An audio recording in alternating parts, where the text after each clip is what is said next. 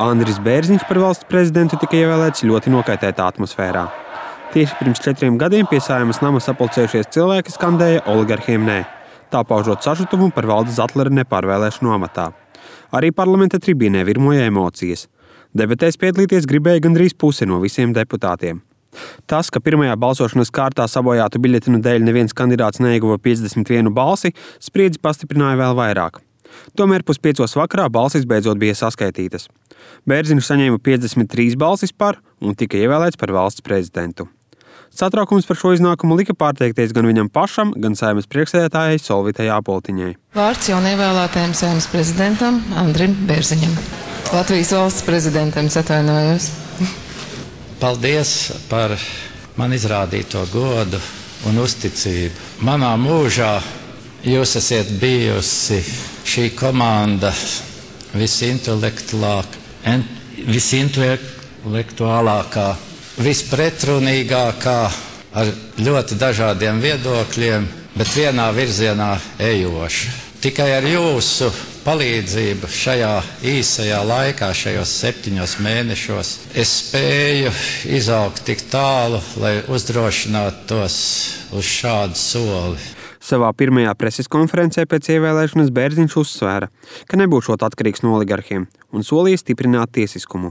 Ja kāds iedomājās, ka es sekošu kādam pavadā, kādam oligārham vai kaut kam tam, to jūs no manis nesagaidīsiet.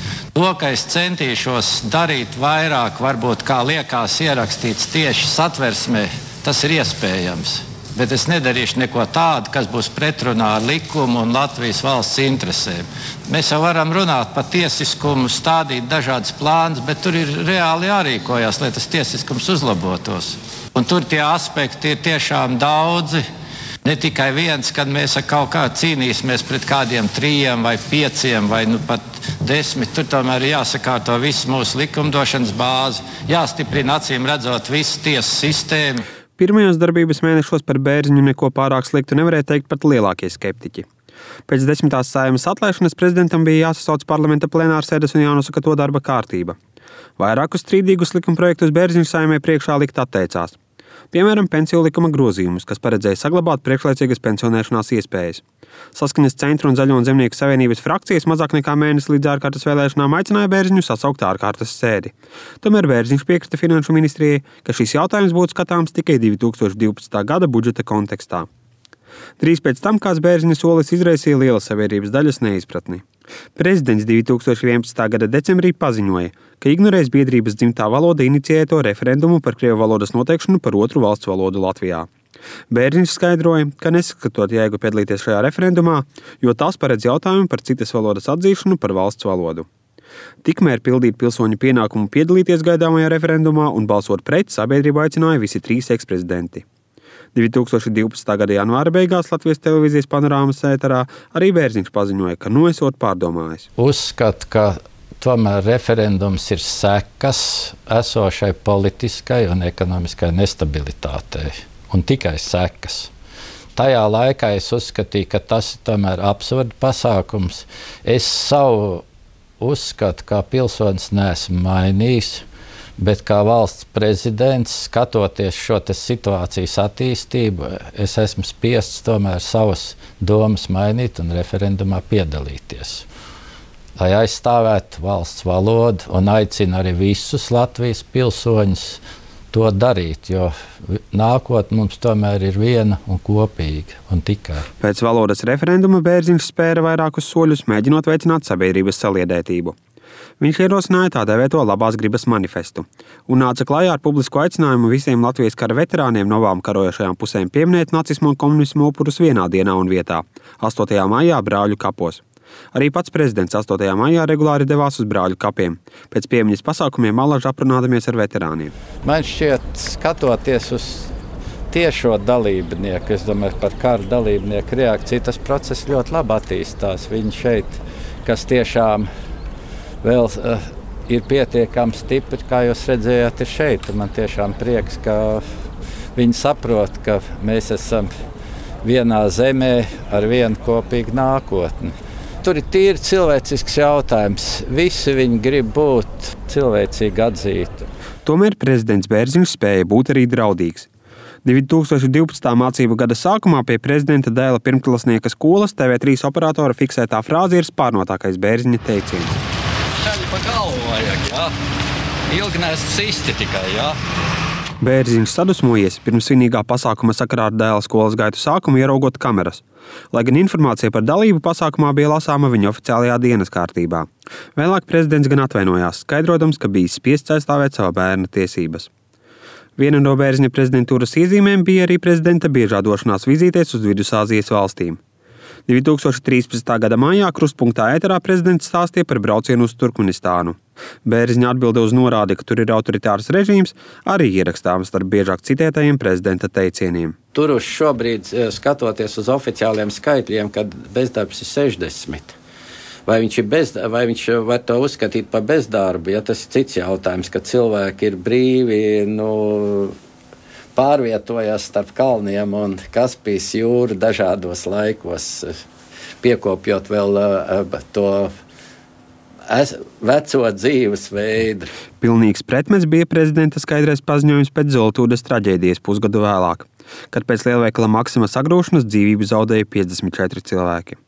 Divas dienas pēc traģēdijas prezidents Bērziņš Latvijas televīzijas ēterā pauda, ka lieta būtu jāizmeklē ātri un būtu vēlams, lai atbildīgās amatpersonas nokļūst izmeklēšanas izolatorā. Es aicinātu visus tomēr pārdomāt katru, ko viņš ir darījis, kā rīkojies, lai mēs varētu jau pēc šīm sērām sākt praktiski rīkoties. Jo šis ir gadījums, kur jāsauc skaidri, ka tā tomēr ir milzīga skaita neaizsargāt cilvēku slepkavība. Un tā arī attiecīgi būtu jārīkojas. Līdz galam skaidra nav bērziņa loma kādā ar Zoltūras traģēdiju saistītā notikumā. Pēc cik nedēļas tikšanās ar prezidentu premjerministrs Valdis Dombrovskis, kurš vēl pirms dažām dienām klāstīja, ka valdības politiskā atbildība ir darīt visu iespējamo, lai nepieļautu līdzīgu traģēdiju atkārtošanos, paziņoja par savu demisiju. Labdien, godātie mediju pārstāvji! Ņemot vērā Zeltūdas traģēdiju un visus ar to saistītos apstākļus, ņemot vērā to, ka pašreiz ir nepieciešama valdība, kas bauda skaidru saimnes vairākumu atbalstu, kas spēj risināt to situāciju, kas ir izveidojusies valstī, paziņoja par savu atkāpšanos no ministra prezidenta amatu, uzņemoties politisko atbildību par Zeltūdas traģēdiju. Vēlāk Dombrovskis žurnālistiem apgalvoja, ka šo lēmumu pieņēmis sarunas laikā ar prezidentu, taču noliedza, ka ticis uz to mudināts. Arī pats Bērziņš pēc tam vienmēr noliedzis versiju, ka būtu piespiedis Dombrovski atkāpties, lai varētu ilgstošu nestabilo koalīciju paplašināt ar Zaļo un Zemnieku savienību. Bērziņa reitings, kas bija pieaudzis pēc Zeltūras paziņojuma, atkal sāka rūkt 2014. gada sākumā, Pēc tam, kad viņš bija noraidījis vienotības piedāvāto premjeramata kandidātu, toreizējo aizsardzības ministru Arti Pabriku. Konkrētus iemeslus šādam lēmumam Bērziņš spītīgi neatklāja. Lūk, piemērs Latvijas televīzijas intervijā viens pret vienu. Tā ir mana atbildība un mans lēmums. Un nav nekur teikts, ka man kā skolēnam jāatskaitās, kāpēc es uh, uzrakstīju tādu vai, vai kāpēc es domāju tā vai šādi. Tā ir visa darbība un rīcība kopumā. Vairākas reizes prezidentam nācās izlemt par braukšanu vai nebraukšanu uz kādiem pasākumiem Krievijā. Šogad Bērziņš tikai pēc vairāku nedēļu pārdomām paziņoja, ka nebrauks uz Maskavā gaidāmajām uzvaras Otrajā pasaules karā 70. gada dienas svinībām. Taču gadu iepriekš viņš kā vienīgais no Baltijas valstu prezidentiem apmeklēja Ziemas Olimpisko spēļu atklāšanas ceremoniju Sočos. Nepatiku par šī jautājuma cilāšanu prezidents demonstrēja krustpunktā ēterā. Man šis jautājums visvairāk pārsteidz. Mēs uh, acīm redzot, te, lai gāztu manas galvas mēslus, atrod visu ko aizmirst pat eh, šī senā olimpiskā uh, devīze, ka pat karus pārtrauc. Mēs ejam atpakaļ akmens laikmetā, vai labākajā gadījumā šajā augstā kara laikmetā, tādā veidā. 2014. gada pavasarī Bērziņam tika pārmesta neskaidrā pozīcija par Krievijas īstenoto Krimas aneksiju. Tāpēc vairāk kā 400 cilvēku parakstīja atklātu vēstuli ar aicinājumu viņam atkāpties. Prezidents uz to atbildēja, ka no amata neatkāpsies. Viņš vēlēties uzlabot Latvijas cilvēku dzīvi ilgtermiņā, nevis gūt ātru un lētu popularitāti īstermiņā. 2015. gada sākumā kļuva aktuāls jautājums, vai Bērziņš grasās pretendēt uz otro termiņu prezidenta amatā. Savu lēmumu par kandidēšanu viņš solīja atklāt tikai aprīlī, trīs mēnešus līdz pilnvaru beigām. 10. aprīlī, piekdienā, pašā darbdienas beigās, valsts prezidenta kancelēja izplatīja video, kurā Bērziņš beidzot paziņoja savu lēmumu. Es daru zināmu, ka nebūšu viens no kandidātiem nākamajam valsts prezidenta termiņam. Pateicos visiem par sadarbību, atbalstu, konstruktīvu kritiku un goda prātīt visā, ko esam šajos četros gados kopīgi paveikuši Latvijas labā. Paldies! Oficiālās runas tomēr nebija bērziņa iecienītākais formāts. Daudz ērtāk viņš jūties reģionālajās vizītēs, kur ar vietējiem iedzīvotājiem mēģināja aprunāties neformālā gaisotnē. Vēl kāda prezidentam Bērziņam raksturīga īpašība bija tas, ka viņš bija viegli aizkustināms un, piemēram, pasākumos lauku skoliņās nekautrējies apraudāties. Iva Leitāns, Latvijas radio.